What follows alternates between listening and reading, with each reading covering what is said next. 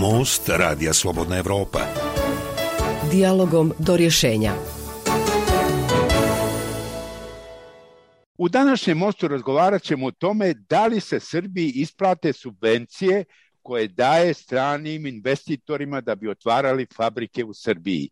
Naši sagovornici su Dejan Šoškić, profesor Ekonomskog fakulteta u Beogradu i Vladimir Gligorov, naučni saradnik Bečkog instituta za međunarodne ekonomske studije.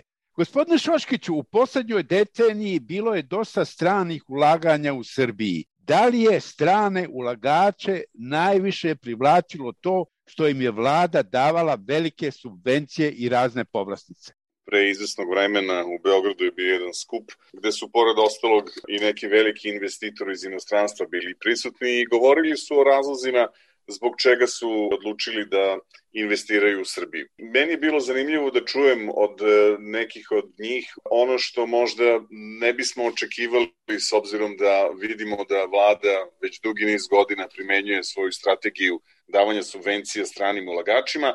Naime, oni su rekli da zapravo poslednje na listi o čemu su vodili računa ili što ih je privuklo da investiraju, bila je eventualno neka pomoć države. Dakle, pre toga su gledali puno toga, uključujući infrastrukturu, naravno i cenu radne snage, ali i školovanost radne snage, blizinu tržišta, vrlo važne komponente ukupnog poslovnog okruženja kao što je vladavina prava, mogućnost lakog i jednostavnog štićenja ugovora i svojine i tome slično. Dakle, čitav niz drugih stvari su stavili pre eventualnih pomoći koje država daje, pri čemu treba imati u vidu da su u pitanju bili veliki inostrani investitori, ne bih ih sada navodio, moguće da nekim investitorima koji su iz domena malih i srednjih preduzeća iz recimo zapadnih zemalja u okruženju, iz Italije, iz Austrije, iz Nemačke, ta vrsta državnih stimulansa mnogo više znači. Gospodine Grigorov, kako je vaše mišljenje? Da li ove subvencije koje vlada daje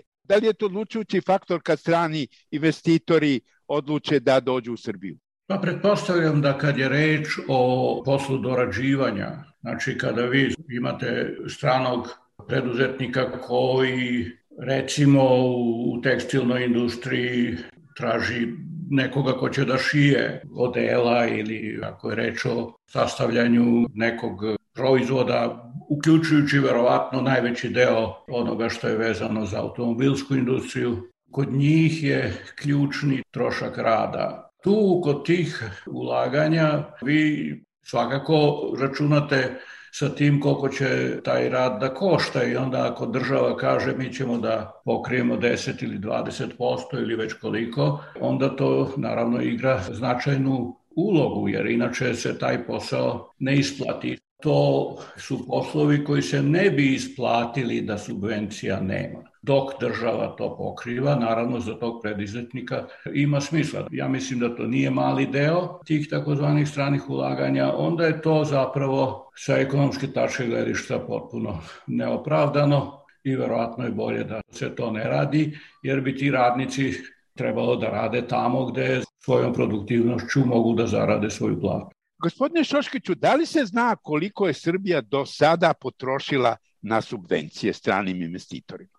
Ja mislim da se ukupan iznos teško može dati sasvim jasno, zato što je tu bilo ne samo direktnih davanja iz budžeta za jedno buduće radno mesto, određeni iznos e, gotovog novca praktično iz budžeta stranim investitorima, dakle za neko radno mesto u napred koje još nije ni otvoreno, već je tu bilo i sasvim drugačijih davanja kao što su izgradnje infrastrukture. Videli smo u primjeru nekih investicija izgradnja fabričkih hala od strane lokalnih državnih organa ili pak da država plaća odgovarajuću prekvalifikaciju prethodno za zaposleni i tome slično.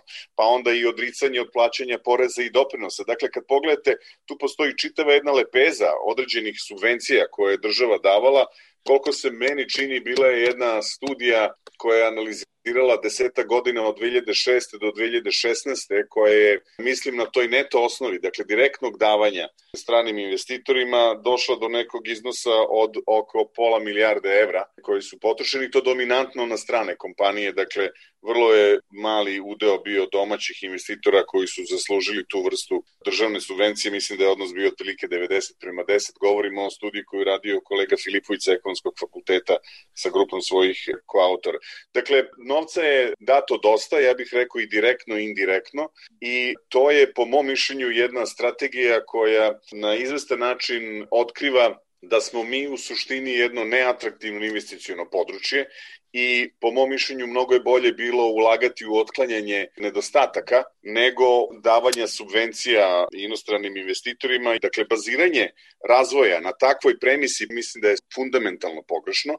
Drugo, mislim da je pogrešno davati novac bilo kome unapred iz prostog razloga što to onda uvodi u velikoj meri neko arbitriranje ko će taj novac dobiti, pa nakon toga trebalo bi imati kontrolu. Imali smo primere da su neki od stranih investitora dobili novac iz budžeta Republike Srbije, da su posle toga nestali i da ih je trebalo onda goniti.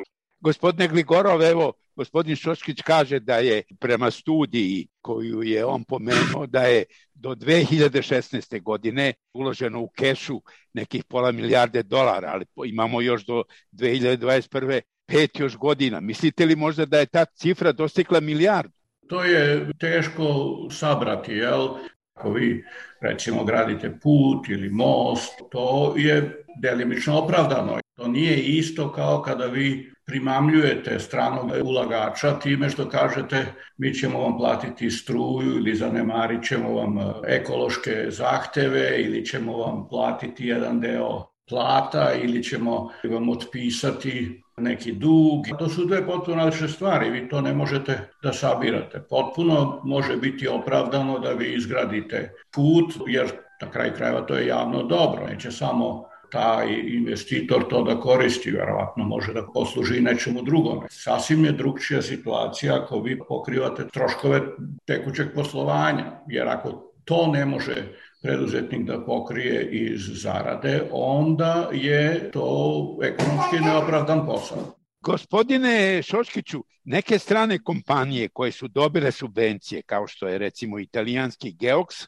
odlaze iz Srbije premijerka Brnabić to pravda time što su u Srbiji znatno povećane plate, pa pošto se tim kompanijama ne isplati da radnicima daju veće plate, one odlaze. Da li je to glavni razlog?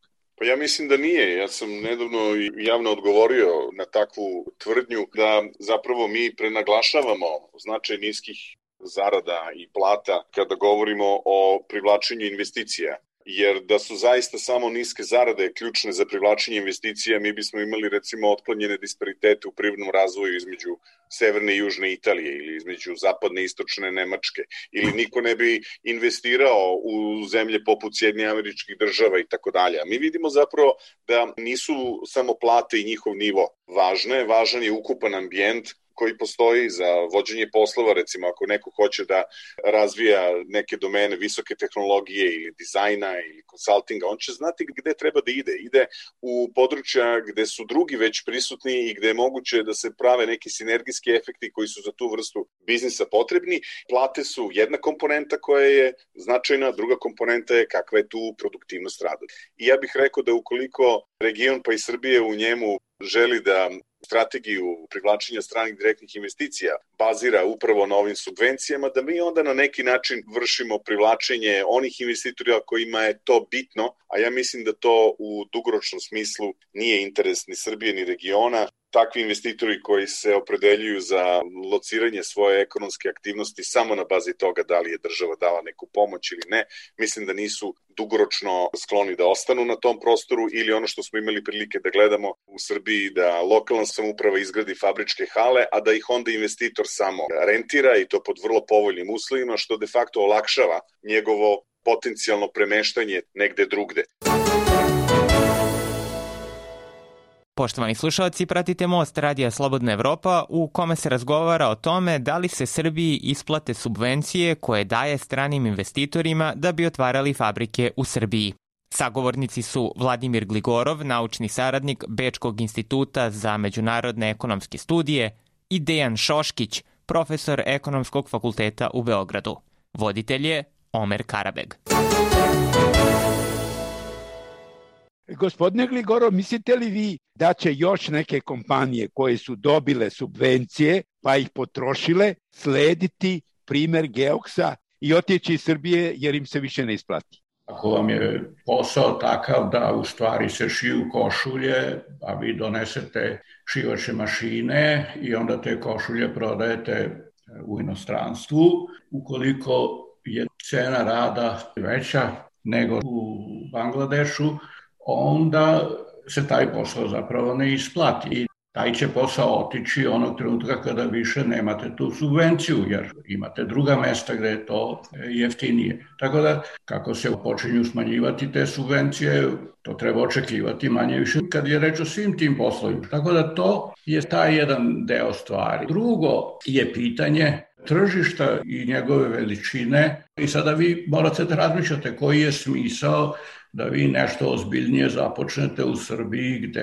je srpsko tržište malo, tržište oko Srbije još manje, sve to je i rascepkano i loše funkcioniše i onda se stvarno postavlja pitanje zašto biste vi to radili. Nemate veliko tržište i onda u velikoj meri se to svodi na strano ulaganja u rudna bogatstva, tu je onda ekološka subvencija, ne vodite računa o zemlji i o zdravlju, i ova dorada ili rad za nadnicu, gde onda je pitanje da li ste konkurentni sa nekim koji je spreman da to radi bilo gde drugde u svetu. Ako smem još samo jedan kratak osvrt na ovo što ste malo predpostavili pitanje, da li je zaista taj strani ulagač u Vranju morao da ode? Mislim da često mi gubimo iz vida još jednu karakteristiku dešavanja u makroekonomskom smislu u našoj zemlji, a to je da imate politiku jakog, mnogi kažu, predsednjenog dinara,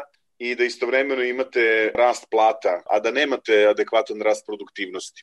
Takva kombinacija u suštini dovodi do toga da ako vam rastu plate u proseku u zemlji, onda ima potrebe da rastu verovatno i nominalne plate kod stranih investitora. Ako istovremeno imate realnu apreciaciju domaće valute, onda praktično prvi efekat je verovatno manja profitna stopa za nekog ko izvozi iz Srbije. Mislim da i Vranjski Geoks možda u toj kategoriji, ali mislim da to neće pogoditi samo Geoks, nego i mnoge druge firme koje na sličan način posluju u Srbiji.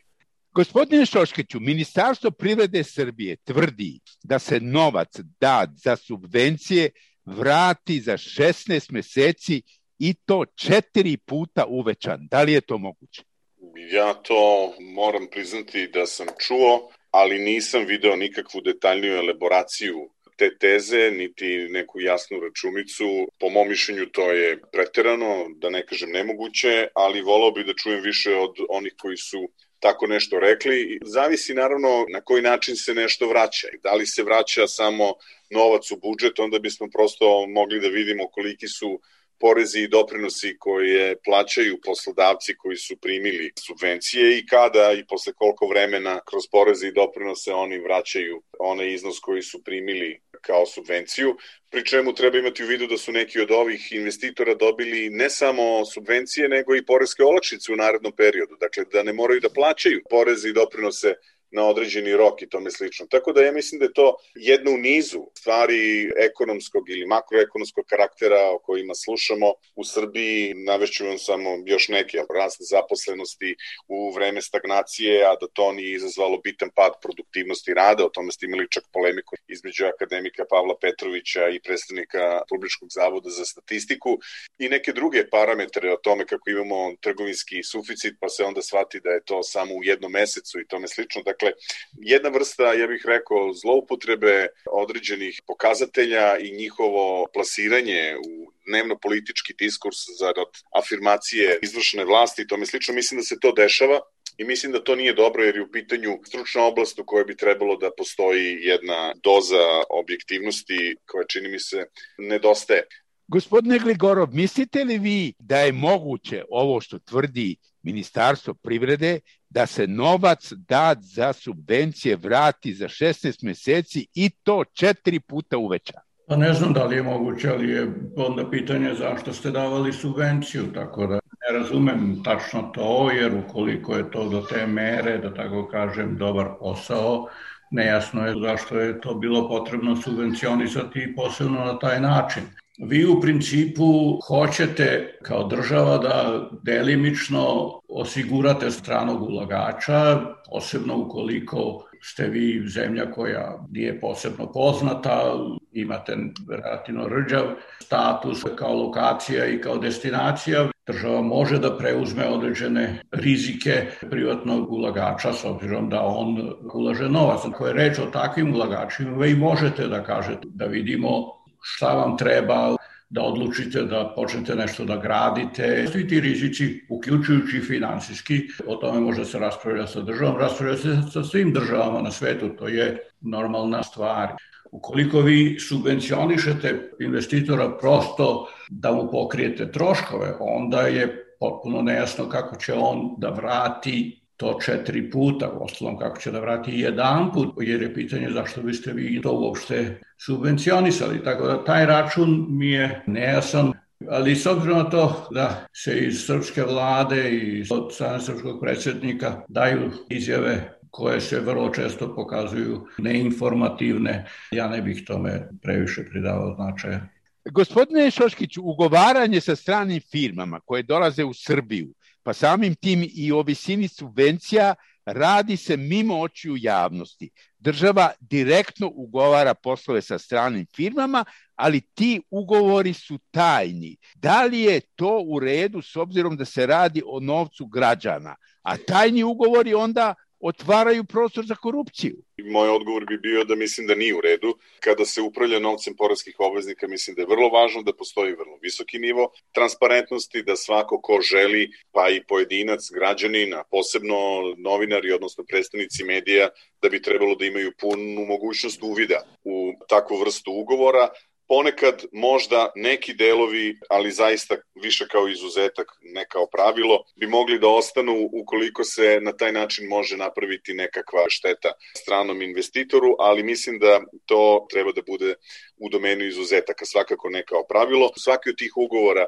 koji se sklapa sa stranim kompanijama morao bi da bude transparentan. Mislim i da svaki ugovor koji država čini, uključujući i recimo nivo zarada koji postoje u državnom sektoru, bi trebalo da bude sasvim javan podatak i da bude lako dostupan svima, jer to bi trebalo da po definiciji radi odgovorna država prema onima koje finansiraju, a to su poredski obveznici ili drugčije rečeno građani.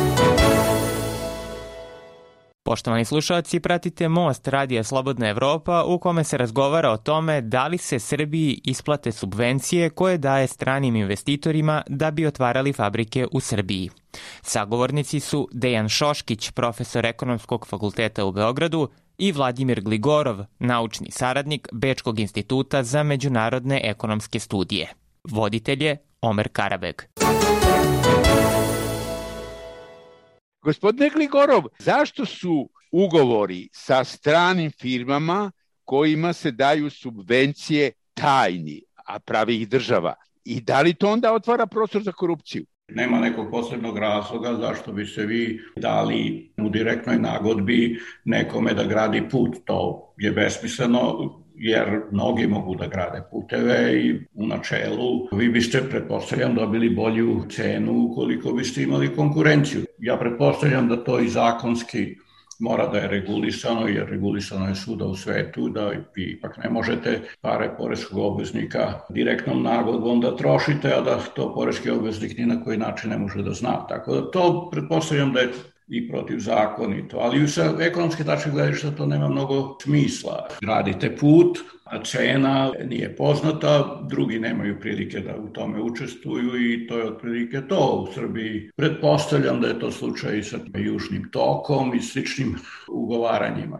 Tu je posebno onda problematično ukoliko su to poslovi između država, jel? znači ukoliko vi tražite suverene kredite. Ranije to imalo smisla ukoliko ste vi jako siromašna zemlja i onda razvijenije zemlje daju kredite direktno ali onda po praktično koncesionim ili pod niskim kamatama ili bez kamate. Dobro, onda to rade njihove firme, ali to državi pomaže i ne opterećuje budžet. U Srbiji je problem taj što u stvari jedan čovek ugovara sve te poslove. Prvi faktor je ta politička strana izgradnje u stvari jednog vođe i kulta ličnosti nekoga ko sve to može da sredi, dogovori preko svojih veza i tako dalje. Nešto što inače u Srbiji ljudi misle da je način na koji ceo svet inače funkcioniše, tako da to je i u skladu sa javnim mnjenjem, tako da kažem.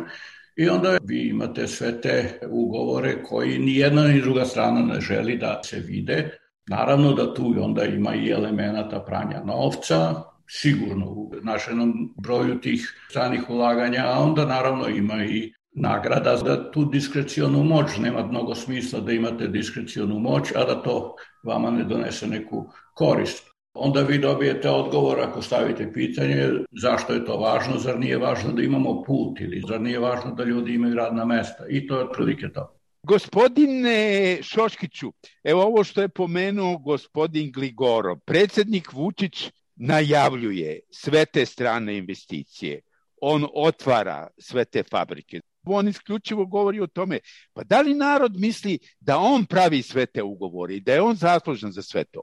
Znate kako, ja to ne mogu da znam šta u proseku narod misli, ja pretpostavljam da jeste politička ambicija nomenklature na vlasti u Srbiji da takvu percepciju kreira kod prosečnog birača, pri čemu trebamo biti svesni da građani vrlo često nikada u životu nisu pročitali ustav zemlje ili da poznaju recimo odredbe zakona o funkciji predsednika i tako dalje, tako da ljudi često i ne znaju šta su nadležnosti pojedinih funkcija funkcija, odnosno organa u političkom sistemu zemlje. Ono što mi vidimo u Srbiji to je da se svakodnevno i flagrantno krše i ustav i zakoni koji određuju ingerencije pojedinih organa i to je žalosna realnost u kojoj živimo.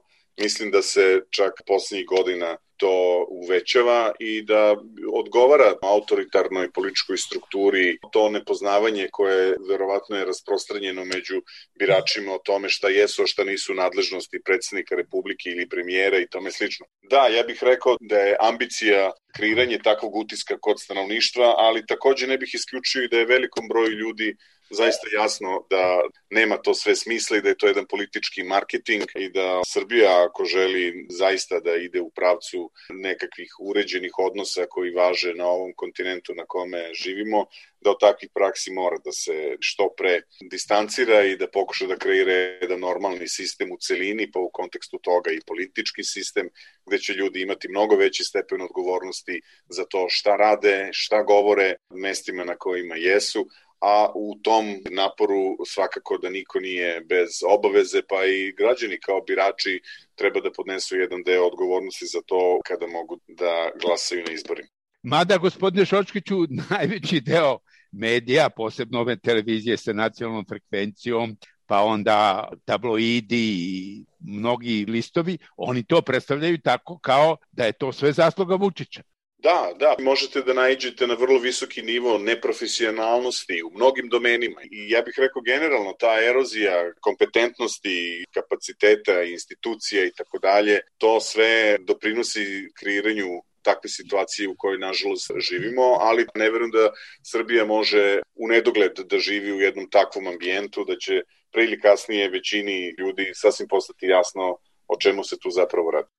I na kraju, gospodine Gligorov, predsednik Vučić kaže da je politika subvencija jedino moguća politika. On poručuje fabrike, fabrike, fabrike i industrializacija zemlje. Znači, ta politika će se nastaviti. Da li je to dobro za Srbiju? Koliko se ta politika do sada isplatila? Ako gledate zbirni privredni uspeh od 2012. ili od 2014. već odakle hoćete, taj je rezultat relativno mali. Pretpostavljam da sa stanovišta Vučića i Srpske napredne stranke to jeste ono što oni smatraju da je jedina politika sve dok ne moraju da poštuju pravila Evropske unije. U nekom trenutku bi to morali ukoliko bi zaista hteli da Srbija postane članica Evropske Evropske unije. Tako da mislim, to je otprilike ta kombinacija. Ovo je jedini način, kao u ostalom i kad je rečemo međunarodnoj politici, a sad ovo drugo, što bi možda bilo bolje, dugoročno posmatrano, to nije za Srbiju i to je otprilike to. Gospodine Šoškiću, evo da i vas upitam, koliko se politika davanja subvencija stranim ulagačima do sada isplatila i koliko će to biti dobro za Srbiju, pošto Vučić najavljuje da će se to nastaviti?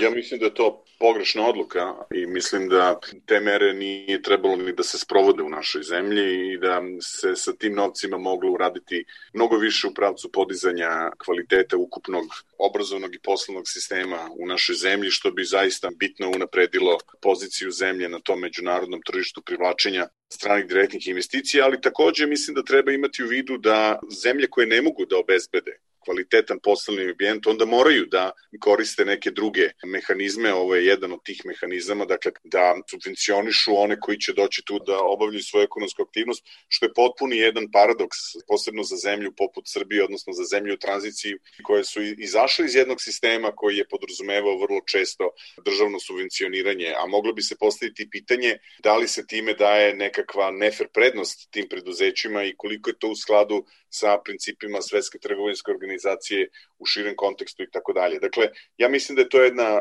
loša skupa mera koja govori sasvim jasno da u Srbiji je poslovni ambijent loš, da su institucije slabe i da radna snaga nije kvalitetno obrazovana da je drugačije, nikakva subvencija stranim investitorima ne bi trebala, a za privredni razvoj i za zaista dobre rezultate u tom domenu ključne su u svakoj zemlji koje su imale dinamične faze privrednog rasta i razvoja, ključne su domaće privatne investicije, dakle da domaći ljudi koji najbolje poznaju svoj poslovni ambijent investiraju više, a kod nas su te investicije na vrlo niskom nivou. Dobro, ako se slažete, ja bih sada završio ovaj razgovor. Hvala, gospodine Gligorov. Hvala vama. Hvala gospodine Šoškiću.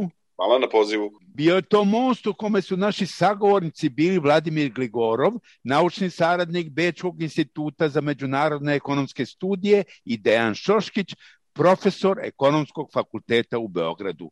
Posrednik u razgovoru bio je Omer Karabek.